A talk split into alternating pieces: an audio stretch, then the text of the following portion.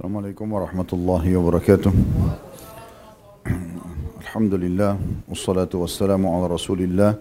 Segala puji dan puja kehadirat Allah Subhanahu wa taala juga salawat dan taslim kepada Nabi besar Muhammad sallallahu alaihi wa ala alihi wa sahbihi buku kita Sahih Targhib Tarhib dan kita masih dalam kitab Salat Sunnah bab yang sama bab ke-11 masalah anjuran mengerjakan qiyamul lail. Dan kita akan masuk hadis keempat pada kesempatan ini dengan sanad yang sahih urutan 616 dari awal belajar berbunyi dari Abdullah bin Salam radhiyallahu anhu dia berkata رسول الله صلى الله عليه وسلم المدينة انجف على الناس إليه فكنت في من جاءه فلما تأمدت وجهه واستبنته عرفت أن وجهه ليس بوجه كذاب قال فكان أول ما سمعت من كلامه أن قال أيها الناس أفشوا السلام وأطعموا الطعام وصلوا الأرحام وصلوا بالليل والناس نيام تدخل الجنة بسلام Hadis ini hadis yang diriwayatkan oleh Tirmidzi dan dikatakan hadis hasan sahih dan Ibnu Majah juga Al-Hakim meriwayatkan dan Al-Hakim mengatakan sahih berdasarkan Syekhan atau Bukhari dan Muslim. Terjemahannya kata Abdullah bin Salam radhiyallahu anhu, pertama kali Rasulullah SAW datang ke Madinah, orang-orang pada berkerumun kepada beliau dan aku termasuk orang yang datang kepada beliau. Manakala aku memperhatikan wajah beliau dan menelitinya, aku mengetahui bahwa wajah beliau bukanlah wajah seorang pendusta. Lalu dia mengatakan, ucapan pertama yang kudengarkan dari beliau sallallahu alaihi wasallam adalah, wahai sekalian manusia, tebarkanlah salam, berikanlah makan, sambunglah hubungan silaturahim dan solatlah di waktu malam ketika orang-orang tengah tidur, niscaya kalian akan masuk ke dalam surga dengan selamat. Hadis ini memberikan gambaran kepada kita tentang kisah seorang sahabat. Abdullah bin Salam ini yang paling kuat pendapat menjelaskan dia adalah salah satu pendeta Yahudi. Yang pada saat Nabi SAW hijrah dari Mekah ke Madinah maka beliau termasuk orang yang menyambut dengan meriah dan akhirnya tentu masuk Islam kisah masyur masuk Islamnya disebutkan dalam beberapa riwayat kalau beliau datang masuk Islam setelah menanyakan beberapa pertanyaan kepada Nabi SAW lalu jawabannya bagi dia benar maka dia pun mengucapkan syahadat lalu dia mengatakan ya Rasulullah cobalah undang tokoh-tokoh Yahudi dan tanyakan kepada mereka tentang aku. Maka Abdullah bin Salam sembunyi pada saat itu di belakang tembok masjid, di dinding masjid, kemudian datanglah beberapa pendeta Yahudi yang oleh Nabi SAW ditawarkan Islam. Pada saat itu mereka menolak, mereka mengatakan kami tidak yakin kau adalah utusan Allah. Maka Nabi SAW mengatakan bagaimana pendapat kalian dengan Abdullah bin Salam. Maka mereka mengatakan oh itu pendeta kami, itu adalah orang alim kami. Dan dia dan ayahnya adalah dua-dua ulama kami. Ini kan cerita mereka muji-muji. Lalu kata Nabi SAW, bagaimana kalau Abdullah bin Salam sudah masuk Islam? Maka mereka mengatakan mustahil, nggak mungkin. Maka Abdullah bin Salam pun keluar dari belakang tembok tempat dia sembunyi. Kemudian dia mengatakan asyhadu an la ilaha illallah wa anna Muhammad Rasulullah. Setelah itu orang-orang Yahudi tiba-tiba langsung mengubah mengatakan dialah orang bodoh kami dan anak daripada orang-orang bodoh kami dan seterusnya. Tapi ringkas cerita ini sebab beliau masuk Islam adalah karena sudah lama mempelajari tentang pribadi Nabi SAW dan menemukan juga dalam Taurat kalau memang ini tempat hijrahnya Nabi, maksudnya kota Madinah. Dan beliau termasuk orang yang menyambut waktu Nabi SAW hijrah pertama ke Madinah. Lalu dia menggambarkan di sini bagaimana waktu Nabi SAW tiba di Madinah, orang-orang pada berkerumun, kemudian ingin melihat wajah Nabi, ingin mengenal lebih jauh, ada juga yang baru mengucapkan syahadat, seperti kasus Abdullah bin Salam ini. Akhirnya dia pun menukil Pertama yang dia dengar dari Nabi SAW yang sempat dia dengar dari sekian banyak yang beliau sampaikan adalah pesan ini. Empat hal yang bisa bisa bisa membawa masuk ke dalam surga, sebarkan salam, memberi makan orang, silaturahim dan juga solat di malam hari sewaktu orang sedang tidur. Jadi pelajaran pertama dari hadis yang bisa kita ambil adalah bagaimana uh, orang yang tidak terbiasa dusta atau sebaliknya orang terbiasa jujur itu bisa nampak dari wajah dan sikapnya. Kalau orang yang jujur itu pasti selalu tenang bawaannya. Tidak ada ketakutan dalam dirinya karena memang dia jujur. Tidak ada ketakutan. Kalau kita sedang bekerja di sebuah kantor kayak antum misalnya terlibat di kantor kita ini, kemudian antum memang jujur biasa apa adanya. Tidak ada yang antum khawatirkan, masuk tepat waktu, kerjakan pekerjaan, pulang pun tidak ada beban karena memang antum yakin antum tidak berbuat salah. Tapi di saat orang berbuat kesalahan, maka dia tanda kutip dihantui oleh kesalahannya sendiri. Dan memang nampak dari tutur katanya, bahasa tubuhnya, dari wajahnya itu orang ini berdusta atau memang mengatur sebuah manipulasi atau makar Itu kuasa Allah SWT. Inilah sebabnya kenapa Abdullah bin Salam mengatakan, aku meneliti wajah Rasulullah SAW dan aku tidak temukan pada wajahnya tanda-tanda kedustaan. Jadi ini pelajaran pertama, kalau orang terbiasa dengan sebuah pola positif, Allah buat tampak dari sikap, bahasa tubuh dan wajahnya. Seperti orang terbiasa sholat, orang biasa jujur, orang biasa sedekah, dermawan, dan ini tampak orang-orang ini. Dan ada juga orang yang suka berbuat kejahatan, kelihatan juga dari raut wajahnya. Pelajaran yang lain, adalah pesan Nabi alaihi salatu wassalam yang pertama ini pelajaran keduanya tentang anjuran untuk menyebarkan salam. Ini sudah sering kami ingatkan dan ingatkan kembali pada kesempatan ini. Sebarkan salam. Assalamualaikum warahmatullahi wabarakatuh. Assalamualaikum 10 pahala, warahmatullahi 10 dan wabarakatuh 10. Sebagaimana dijelaskan dalam sebuah riwayat, Pernah Nabi SAW duduk, kemudian ada sahabat yang masuk lalu mengucapkan Assalamualaikum. Nabi SAW jawab, lalu Nabi mengatakan, Lahu asyarah, orang yang dapat 10 pahala. Datang orang kedua mengucapkan Assalamualaikum warahmatullah. Orang itu duduk, Nabi SAW jawab, lalu Nabi mengatakan, Lahu ishrun, orang yang dapat 20 pahala. Datang orang ketiga menyempurnakan, mengatakan Assalamualaikum warahmatullahi wabarakatuh. Lalu kemudian orang itu duduk, Nabi SAW jawab dan Nabi mengatakan, Lahu thalathun, orang yang dapat 30 pahala. Riwayat ini harusnya jadi pegangan buat kita teman-teman. Jangan salam setengah-setengah. Assalamualaikum saja. Atau diringkas gitu kan. Kadang-kadang orang meringkas-ringkasnya. Kum misalnya. Atau apa. Nggak ada faidahnya. Karena Assalamualaikum artinya semoga keselamatan dunia akhirat selalu bersamamu.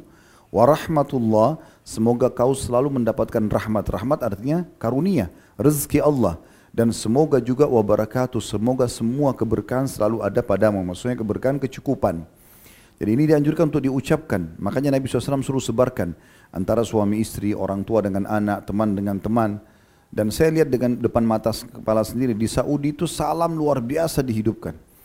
Bahkan kadang-kadang tidak masuk di benak kita karena di negara kita tidak terbiasa. Kayak duduk di pesawat saja kalau kita lagi duduk orang yang baru naik pasti ucapin salam Kadang-kadang kaptennya, pramugari-pramugaranya, orang baru masuk, Assalamualaikum diucapkan, salam yang diucapkan gitu. Jadi terbiasa, orang naik di bus, orang masuk di lift gitu kan, semua itu diucapin salam.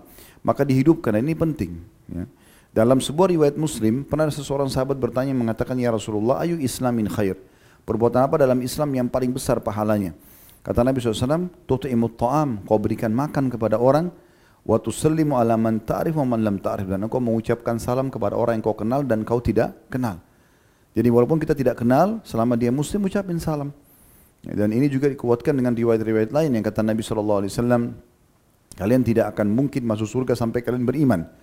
La tadkhulul la tadkhulul jannah hatta tu'minu wa la tu'minu hatta tahabbu. Kalian tidak mungkin beriman sampai kalian saling mencintai. Awala adullukum ala syai'in ma in fa'altum tahabbtum Mau enggak saya tunjukkan satu perkara kalau kalian kerjakan pasti kalian akan saling mencintai. Lalu beliau mengatakan absyus salam bainakum. Sebarkan salam di tengah-tengah kalian. Kenal atau tidak kenal. Apalagi kalau ken, tidak dikenal, apalagi kalau dikenal.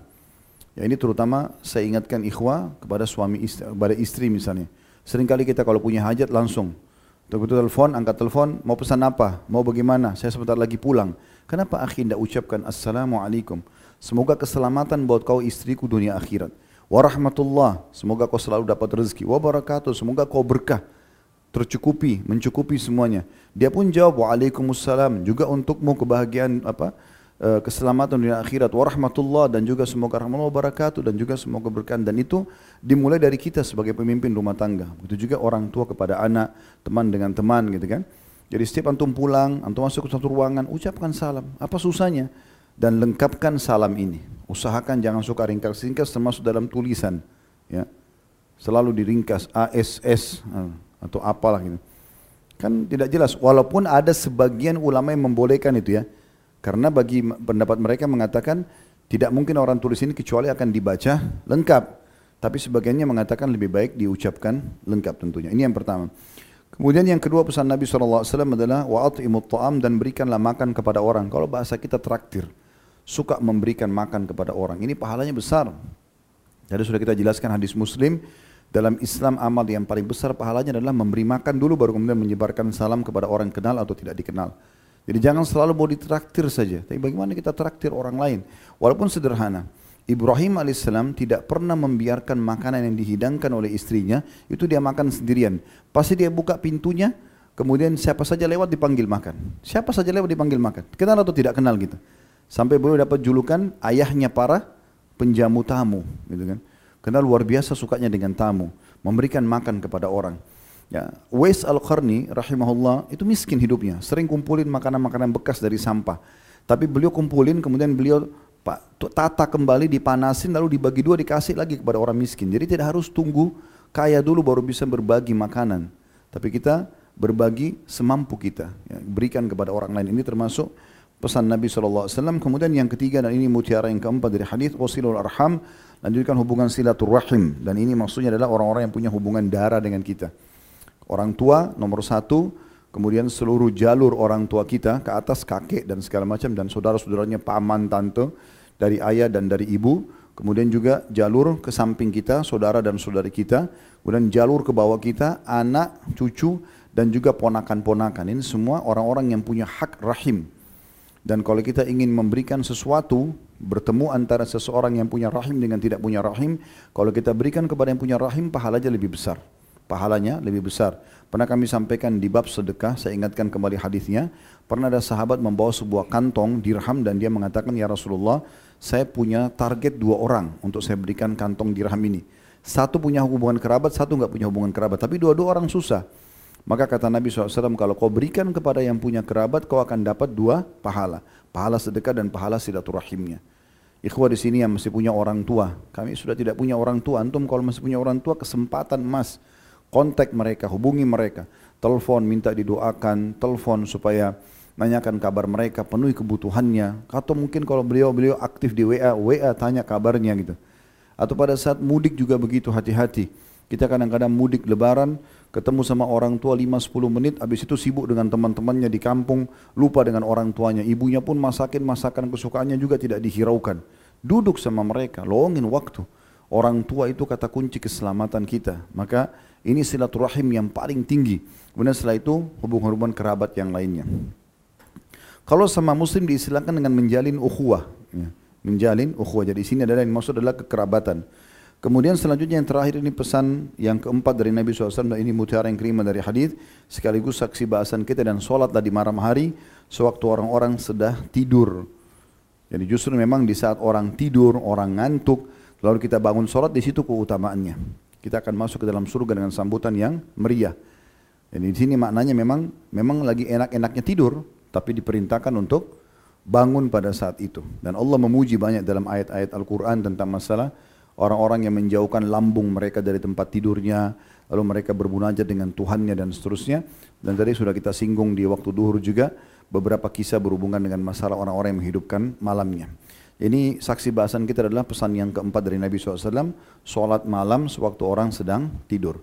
Jadi bagi ikhwan yang sudah terbiasa, Alhamdulillah kalau yang belum terbiasa, mulai saja dulu dengan yang ringan-ringan. Dua rakaat dulu, surah-surah pendek dulu, tapi rutinkan. Kemudian seminggu kemudian tingkatkan dan seterusnya sampai nanti jangan pernah ditinggalkan. Ya, ini termasuk ibadah yang sangat ditekankan dalam agama Allah Subhanahu wa taala. Ini kita bisa belajar insyaAllah. Kedepannya kita akan lanjutkan di hadis kelima. Semoga bermanfaat. Subhanakallah wa bihamdika. Asyadu an la ilaha illa anta astagfiruka wa atubu ilaih. Assalamualaikum warahmatullahi wabarakatuh.